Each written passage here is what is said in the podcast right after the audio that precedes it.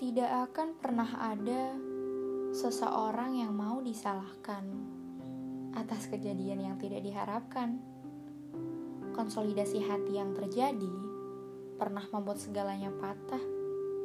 Biar mana pun, kecewa adalah biangnya, dan marah adalah anakannya. Entah kepada siapa harus dituntut pertanggungjawaban sebab awal mula api timbul adalah dari sang empunya. Bahkan, aku berhak memaki takdir kala itu. Semesta hanya bisa tertawa melihat aku yang berantakan karenamu. Semua yang direncanakan pura-puranda setelah ia datang. Kapan terakhir kali kau dan aku merasakan hujan sore hari? Sungguh aku tak ingat. Apalagi melihat langit yang menenggelamkan matahari sampai berubah merekah. Kala itu kau adalah bunga tidurku yang menjadi nyata.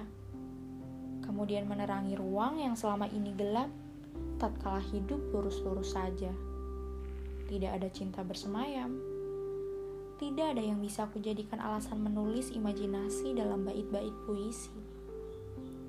Semesta tidak berpihak kepadaku Doa-doaku selama ini hanya terkatung di jajaran embun pagi.